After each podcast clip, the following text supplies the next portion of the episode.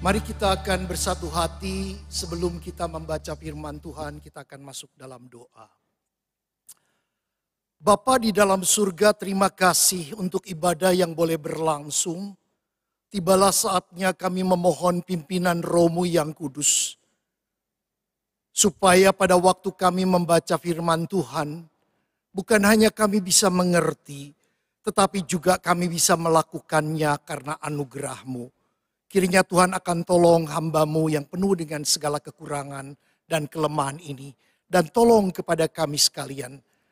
Saat ini kami beribadah di rumah masing-masing, tetapi berkatmu akan menjadi nyata. Dalam Kristus Yesus kami sudah berdoa dan bersyukur. Amin.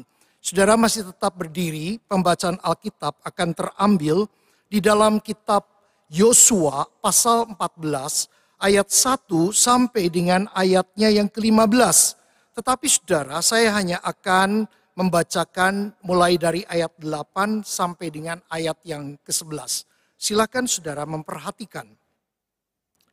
Sedang saudara-saudaraku yang bersama-sama pergi ke sana dengan aku, membuat tawar hati bangsa itu. Aku tetap mengikuti Tuhan Allahku dengan sepenuh hati.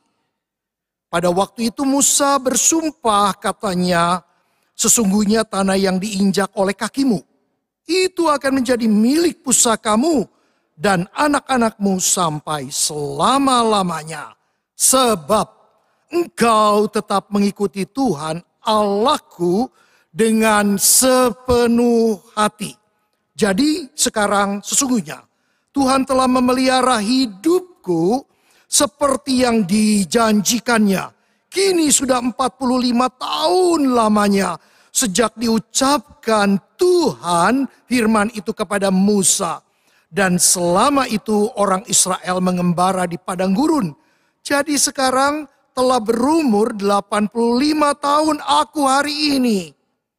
Pada waktu ini aku masih sama kuat seperti pada waktu aku disuruh Musa seperti kekuatanku pada waktu itu, demikianlah kekuatanku sekarang untuk berperang dan untuk keluar masuk. Pembacaan Alkitab sampai di sini sampai kiranya Tuhan memberkati. Silakan saudara duduk kembali. Saudara dan saudari yang dikasihi oleh Kristus, di dalam perjalanan kehidupan kita, khususnya gereja Tuhan, di masa-masa yang tidak mudah, hari ini kita akan bersama-sama merenungkan sebuah tema, yaitu Kaleb mengikuti dengan sepenuh hati. Saudara berbicara mengikut dengan sepenuh hati. Saya diingatkan dengan sebuah peristiwa, saudara, yang betul-betul terjadi. Ada seorang pendeta, dia mendapatkan kontak dengan seseorang dan keluarga yang dikenal oleh pendeta ini, lalu menantu daripada bapak, seorang bapak artinya yang dikenalnya itu berbicara, Pak Pendeta, saya ingin kasih kabar, ayah saya di masa-masa ini dalam keadaan kritis. Tolong dibantu dalam doa. Saudara singkat cerita mereka bergumul dengan doa untuk kesembuhan ayahnya. Tetapi ternyata sang ayah itu meninggal dunia. Sedih tentunya hati keluarga, sedih juga hati pendeta tersebut. Lalu tiba-tiba pendeta itu juga mendapatkan pemberitahuan, Pak Pendeta, ini ada satu hal yang perlu saya kabarkan. Ini ayah mertua saya, ternyata dia punya micat Lalu pendeta itu tanya, micat itu apa? Ya kurang lebih lah ini berkenalan dan sebagainya dan sebagainya. Ternyata saudara-saudara ada daftar sejumlah wanita selingkuhan dari si bapak tersebut. Tapi si bapak itu sudah meninggal. Sangat menyedihkan bukan? Oleh sebab itu kata mengikuti dengan sepenuh hati adalah kata yang sangat penting kalau saudara dan saya bersama-sama melihat ayat-ayat Alkitab, bagaimana Daud itu menjadi standar yang utama di antara raja-raja itu menjadi standarnya. Di mana kalau raja-raja yang bisa hidup baik seperti Daud, maka dia mereka disebutkan seperti Daud bapak leluhurnya. Tetapi ada yang tidak bisa hidup seperti itu. Mereka ternyata disebutkan tidak hidup seperti Daud. Jadi Daud menjadi standar yang tertinggi. Bahkan kita juga tahu tentunya kalau saudara membaca Alkitab dikatakan Salomo pada masa tuanya berbuat dosa. Karena hatinya tidak terpaut kepada Tuhan. Dan juga hatinya tidak mengikuti Tuhan. Atau dengan kata lain tidak sepenuh hati mengikuti Tuhan. Ini yang terjadi saudara-saudara. Sebab itu kata mengikuti dengan sepenuh hati merupakan hal yang sangat penting yang hari ini kita bicarakan. Mari kita akan coba bersama-sama mencoba melihat. Yang pertama saudara-saudara ketika kita berbicara tentang uh, mengikuti Tuhan dengan sepenuh hati, ada tiga kesaksian yang disaksikan terhadap Kaleb. Di mana Kaleb disebutkan bukan main-main. Itu perlu sekali sebuah konfirmasi. Siapa yang berkata kepada Kaleb bahwa Kaleb mengikuti Tuhan dengan sepenuh hati? Yang pertama, saudara itu dari Kaleb sendiri. Di dalam pembacaan kita di dalam Yosua pasal yang ke-14, di dalam ayat yang ke-8, kita bisa mendapatkan bagaimana sebuah pernyataannya bahwa Kaleb berkata, aku tetap mengikuti Tuhan Allahku dengan sepenuh hati. Di dalam saat yang bagaimana? Saat peristiwa Musa mengutus 12 pengintai. Pada waktu 12 pengintai mengintai negeri perjanjian, negeri yang dijanjikan uh, tanah uh, suatu hal yang indah tentunya yang penuh susu dan madu. Tetapi ternyata saudara-saudara 10 orang itu membawa berita yang tidak menyenangkan, berita yang tidak enak. Tetapi saudara kita tahu di dalam hal ini, Kaleb, dia begitu konsisten sehingga dia berkata, aku mengikuti Tuhan Allahku dengan sepenuh hati. Saudara, kita perlu tahu bahwa perkataan ini bukan perkataan sebuah kejumawaan atau sebuah kesombongan tetapi sebuah kesaksian yang tulus tentang hidupnya yang bisa dipertimbangkan oleh manusia, oleh orang-orang sesamanya, tapi juga dia ingin Tuhan melihat. Sebab itu dia berkata, aku tetap mengikuti Tuhan Allahku dengan sepenuh hatiku. Saudara, bukankah kita ingat Rasul Paulus juga pernah memberikan kesaksian di dalam kesaksiannya dalam Filipi pasal yang pertama Paulus pun berkata seperti ini. Aku menghendaki saudara-saudara supaya kamu tahu apa yang terjadi atasku ini justru telah menyebabkan kemajuan Injil sehingga telah jelas bagi seluruh istana dan semua orang lain bahwa aku dipenjarakan karena Kristus. Saudara itu adalah kesaksian yang tulus. Bukan kesombongan mengatakan saya dipenjarakan karena Kristus dan seterusnya. Tidak. Tapi mengatakan sebuah kebenaran. Dia menyaksikan tentang dirinya dengan sebuah ketulusan. Saudara, kalau kita ingat bagaimana Tuhan Yesus berbicara dengan orang-orang Parisi di dalam Yohanes pasal yang ke-8, kita pun mendapatkan hal yang sama. Ketika orang Parisi berkata, engkau bersaksi tentang dirimu sendiri dan kesaksianmu itu adalah tidak benar. Dan Yesus berkata, biarpun aku bersaksi tentang diriku sendiri, namun kesaksianku itu benar, sebab aku tahu dari mana aku datang dan ke mana aku pergi. Tetapi kamu tidak tahu dari mana aku datang dan ke mana aku pergi. Saudara, Yesus Kristus, dia pun memberikan kesaksian. Kaleb di bagian pertama ini, dia adalah saksinya sendiri yang berkata, kesaksianku benar, aku mengikut Tuhan dengan sepenuh hati. Saksi yang kedua, saudara kita tahu saksi yang kedua itu adalah Musa. Ayat yang ke-9 dikatakan Musa bersumpah katanya, sesungguhnya tanah yang diinjak kakimu akan menjadi milik pusaka. Pusaka darimu juga pusaka dari anak-anakmu. sampai selama-lamanya. Sebab engkau tetap mengikuti Tuhan Allahku. Musa mengatakan Allahku dengan sepenuh hati. Artinya, saudara-saudara, apa yang bisa dilihat atau dikatakan oleh Kaleb dalam kesaksian bagi dirinya sendiri, itu dikonfirmasi. Siapa yang mengkonfirmasinya itu bukan orang sembarangan, yaitu Musa, seorang pemimpin bangsa Israel, seorang nabi, seorang mentor, seorang sahabat yang berkata kepadanya bahwa engkau tetap mengikuti Tuhan Allahku. Musa mengatakan Tuhan Allahku dengan sepenuh hati. Artinya saudara-saudara kesaksian hidup kita itu bukan hanya kita yang tahu. Tapi orang-orang yang ada di sekeliling kita pun itu tahu saudara. Seperti apa di dalam trek sejarah hidup kita. Kalau hidup kita adalah hidup yang harum di mata Tuhan, hidup yang baik di mata jemaat, itu pun akan ada sebuah garis lintasan yang nyata di dalam hal ini kita bisa memperhatikan Tuhan memperhatikan bagaimana kita bertingkah laku. Bukan sebuah peristiwa satu tahun, dua tahun seseorang itu diakui baik. Tetapi di dalam perjalanan hidupnya itu akan ada sesuatu cerminan yang luar biasa. Saudara pernahkah saudara mendengar bagaimana seseorang berkata kepada saudara atau mungkin kepada saya sebagai pelayan Tuhan, sebagai seorang Kristen yang selalu hidup di dalam aktivitas gerejani, Bapak adalah orang yang setia. Saudara, kata-kata setia untuk kita sebetulnya masih terlalu jauh. Karena apa?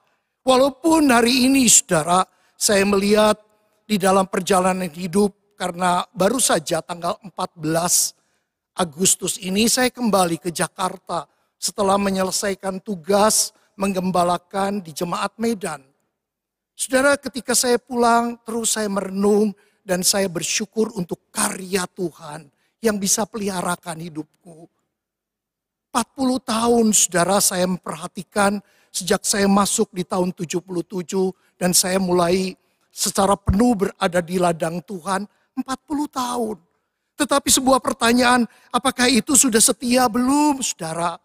Kita belum bisa mengatakan walaupun nanti pada tanggal 6 September kalau Tuhan berkenan akan ada ibadah emeritus untuk empat pendeta. Pak Predilai, Ibu Endang, Pak Musa Salomo, dan saya. Saudara, apakah kita sudah setia? Belum, kita belum berani mengatakan itu. Hanya Tuhan yang layak. Kita hanya berusaha. Dan orang yang berkata, aku tulus dan mengikut Tuhan dengan sepenuh hati, itu diucapkan Kaleb. Dan waktu itu usianya sudah 85 tahun. 65 tahun, masih ada 20 tahun. Itu diucapkan Kaleb. Artinya seumur hidup kita, sebelum kita bertemu dengan Tuhan, kita tetap harus menjaga hidup kita dengan baik. Menjaga integritas dari harta, dari tahta, adapun godaan pria atau wanita. Kita harus konsisten mengikut Tuhan dengan baik. Musa adalah saksi dari Kaleb yang disebut sebagai orang yang mengikuti Tuhan dengan sepenuh hati. Saudara yang ketiga, Tuhan sendiri itu menyatakan kalau saudara dan saya memperhatikan di sana dengan jelas bahwa saksi dari Kaleb mengikut Tuhan itu Tuhan katakan. Lihatlah di dalam Yohanes eh, Yosua di 14 ayat 14 bukankah dikatakan juga dikatakan ia tetap mengikuti Tuhan Allah Israel dengan sepenuh hati. Itu Kaleb. Saudara bandingkan dengan bilangan pasal 14 ayat 24 hambaku Kaleb karena lain jiwa yang ada padanya ia mengikut aku dengan sepenuhnya. Ini adalah merupakan sebuah konfirmasi dari Tuhan sendiri. Kita tahu Kaleb berusaha dengan tulus, dengan hati nurani yang tulus. Dia berkata, aku mengikut Tuhan. Musa juga berkata dengan dia mengatakan mengikut Tuhan dengan sepenuh hati. Tetapi Tuhan, saudara, bukan main-main.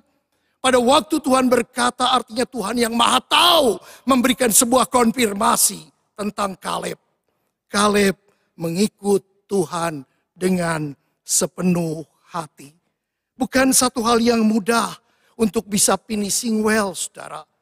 Karena apa perjalanan hidup itu bukan hanya sesudah hidup baru selesai. Tidak, saudara. Sesudah kematian hidup kita pun akan dibukakan. Baik, ya baik. Yang buruk itu akan bisa terbuka. Saudara, beberapa saat ini saya merenungkan bagaimana di dalam hidup dari tokoh-tokoh kekristenan yang hidupnya dari hidup sampai matinya orang tahu dalam sejarah dia adalah orang baik. Tetapi saudara di akhir-akhir ini kita pun merasakan sebuah gempuran. Orang yang nampak baik saudara ketika dia mati dibukakan bahwa dia ada hal-hal yang belum dibereskan sampai kematian menjemput. Seperti yang tadi saya katakan. Sebab itu saudara betapa pentingnya jangan main-main dengan kesaksian. Tuhan sudah menjadi saksi daripada Kaleb Waktu dia berkata, Kaleb hambaku itu mengikuti aku sepenuh hati. Saudara mari kita akan masuk di dalam pemikiran yang kedua. Yaitu tiga motivasi mengikut Tuhan dengan sepenuh hati. Untuk apa? Bagaimana caranya? Saudara Kaleb di sini adalah dia dalam mengikut Tuhan sepenuh hati adalah agar Tuhan dimuliakan. Saudara perhatikan di dalam Yosua 14 ayat 10a. Jadi sekarang sesungguhnya Tuhan telah memelihara hidupku. Seperti yang dijanjikannya. Saudara kata memuliakan itu artinya kita mengembalikan segala kemuliaan kepada Allah. Dan di dalam perjanjian lama, saudara-saudara kata kemuliaan ini mengandung sebuah konotasi ide tentang kemegahan, keagungan, kemuliaan. Dalam perjanjian baru itu lebih ditekankan martabat, kehormatan, pujian dan syukur. Oleh sebab itu kalau kita melihat makna memuliakan Tuhan adalah berarti kita mengakui Tuhan yang maha mulia, yang maha besar. Dan juga menghormatinya melalui pujian dan penyembahan. Karena ia memang patut dan layak dipuji. Dia patut menerima segala pujian. Kita tidak boleh mencuri kemuliaan Tuhan. Kita harus selalu mengatakan kemuliaan hanya bagi Allah. Kemuliaan hanya bagi dia. Sebab itu ketika Kaleb berkata sebuah pernyataan, jadi sekarang sesungguhnya Tuhan telah memelihara hidupku.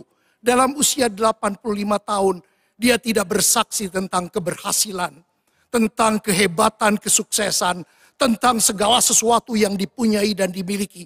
Tetapi dia berkata, semua itu adalah karena pemeliharaan Tuhan. Artinya hidupnya adalah anugerah. Dia boleh ada sebagaimana ada karena kasih karunia Tuhan yang sudah dilimpahkan selama 85 tahun. Bukankah ini sesuatu hal yang sangat luar biasa? Dia ingin mengembalikan segala kemuliaan selalu kepada Allah. Seperti Roma 16.27. Bagi dia satu-satunya Allah yang penuh hikmat oleh Yesus Kristus. Segala kemuliaan sampai selama-lamanya. Amin. Saudara mari kita lihat lagi di dalam motivasi dari Kaleb mengikut Tuhan seumur hidupnya. Bukan hanya memuliakan Tuhan. Tapi dia ingin bisa meneguhkan orang lain. Saudara di dalam bilangan pasal 13 ayat 30 dikatakan Kaleb mencoba menenteramkan hati bangsa itu, bangsa Israel, ketika masalah ada pengintai yang sepuluh, kemudian memberitakan berita yang tidak enak, berita yang tidak membawa sebuah keteguhan, tetapi keruntuhan. Maka saat-saat itu Kaleb berkata dengan sangat-sangat nyata sekali satu peneguhan. Apa yang dikatakan sepuluh teman-temannya? Mereka berkata, kita tidak dapat maju berperang. Menyerang bangsa itu karena mereka lebih kuat. Gak mungkin. Bahkan mereka sebarkan hoax. Mengatakan negeri yang memakan penduduknya. Artinya ini adalah kanibal. Orang-orang raksasa kanibal yang perawakannya tinggi-tinggi maka apa yang mereka lihat, mereka mulai bersikap berespon bangsa Israel yang mendengar sepuluh orang yang tidak meneguhkan tetapi meruntuhkan itu dikatakan mereka mulai menangis. Sudah bayangkan tangisan daripada bangsa Israel saat itu begitu banyaknya orang yang menangis. Sedih bukan? Kita tahu ini adalah merupakan sesuatu hal yang kita perlu saudara dan saya pikirkan mereka mengeluarkan tangisan bersungut-sungut menyalahkan kepada Tuhan kenapa Tuhan pimpin mereka sampai ke situ dengan mereka dan tidak memberikan keberhasilan dan seterusnya dan seterusnya tetapi Yosua dan Kaleb kita lihat catatan mengoyakkan pakaian dan mereka berkata jangan memberontak kepada Tuhan jangan takut kepada bangsa negeri itu sebab mereka akan habis yang melindungi mereka sudah meninggalkan mereka Tuhan menyertai kita. Jangan takut kepada mereka. Segenap umat mengancam akan melontari, tetapi kemuliaan Tuhan datang. Saudara, kita bisa melihat ini bagian yang kita perlu lihat. Dan yang terakhir, saudara dikatakan, bagaimana motivasi hidup mengikut Tuhan dengan sepenuh hati, maka selalu ingin Roh Kudus memimpin. Tadi dikatakan hambaku Kaleb, karena lain jiwa yang ada padanya Saudara beberapa terjemahan bahasa Inggris dikatakan spirit. Ini berkaitan dengan dia rindu bahwa roh Tuhan itu selalu memimpin hidupnya. Saudara bukankah di dalam kehidupan kita setelah roh kudus dicurahkan, betapa pentingnya kita untuk selalu peka terhadap penghibur yang akan memimpin perjalanan hidup kita. Dan kita sebagai milik Kristus yang telah menyalipkan daging dengan segala hawa nafsunya, kita hidup dipimpin oleh roh. Karena semua orang yang dipimpin roh adalah anak-anak Allah. Saudara, bagaimana caranya? Fokus. Mari kita lihat Filipi pasal 3 ayat 13. Rasul Paulus berkata bahwa dia sendiri tidak menganggap aku telah menangkap. Tetapi yang kulakukan melupakan apa yang di belakang dan mengarahkan diri kepada apa yang di hadapanku Aku berlari-lari kepada panggilan sorgawi dari Allah dengan tujuan hadiah yang disediakan Allah. Saudara satu-satunya kita harus fokus adalah kita bukan lagi milik dunia, kita milik Allah. Saudara ingatlah ketika Tuhan Yesus ada orang-orang yang mau ikut salah satu berkata satu pernyataan yang dia katakan yaitu Tuhan izinkan aku pamitan dahulu dengan keluargaku. Kenapa saudara-saudara Tuhan Yesus berkata, setiap orang yang siap untuk membajak tetapi menoleh ke belakang. Tetapi dia tidak layak untuk kerajaan Allah karena dia tidak fokus. Membajak itu harus fokus. Kiranya Tuhan akan tolong hidup kita. Tuhan akan memberkati saudara dan saya untuk menjadi pengikut Tuhan sampai selama-lamanya dan bertemu dengan Tuhan mengikutnya sepenuh hati. Kiranya Tuhan dimuliakan. Kita berdoa. Bapak terima kasih kami sudah belajar Kaleb yang mengikut Tuhan dengan sepenuh hati. Pujian sudah terlontar bagi dirinya. Dan kami tahu pada waktu dia bertemu dengan Tuhan, pastinya Tuhan juga akan berkata, Selamatlah hai hambaku yang baik dan setia. Tuhan kami adalah pelayan-pelayanmu, hamba-hambamu, anak-anakmu dalam perjalanan hidup kami kami rindu Tuhan seperti teladan Kaleb, mengikut Tuhan dengan sepenuh hati. Tolonglah Tuhan perjalanan yang masih panjang, perjalanan yang tidak mudah dan tidak tahu kami apa yang akan terjadi dengan hari esok, sebesar apa tantangannya. Tapi biarlah kami punya tekad seperti Kaleb, seperti dulu kami kuat, seperti saya dulu kuat, sekarang pun masih kuat dan terus akan berjuang. Biarlah kami juga ditolong oleh Tuhan. Berkati Bapak jemaatmu yang sudah mendengar firman Tuhan meteraikan dalam hati. Walaupun suara hambamu sudah berhenti. Dalam Kristus Yesus kami sudah berdoa. Amin.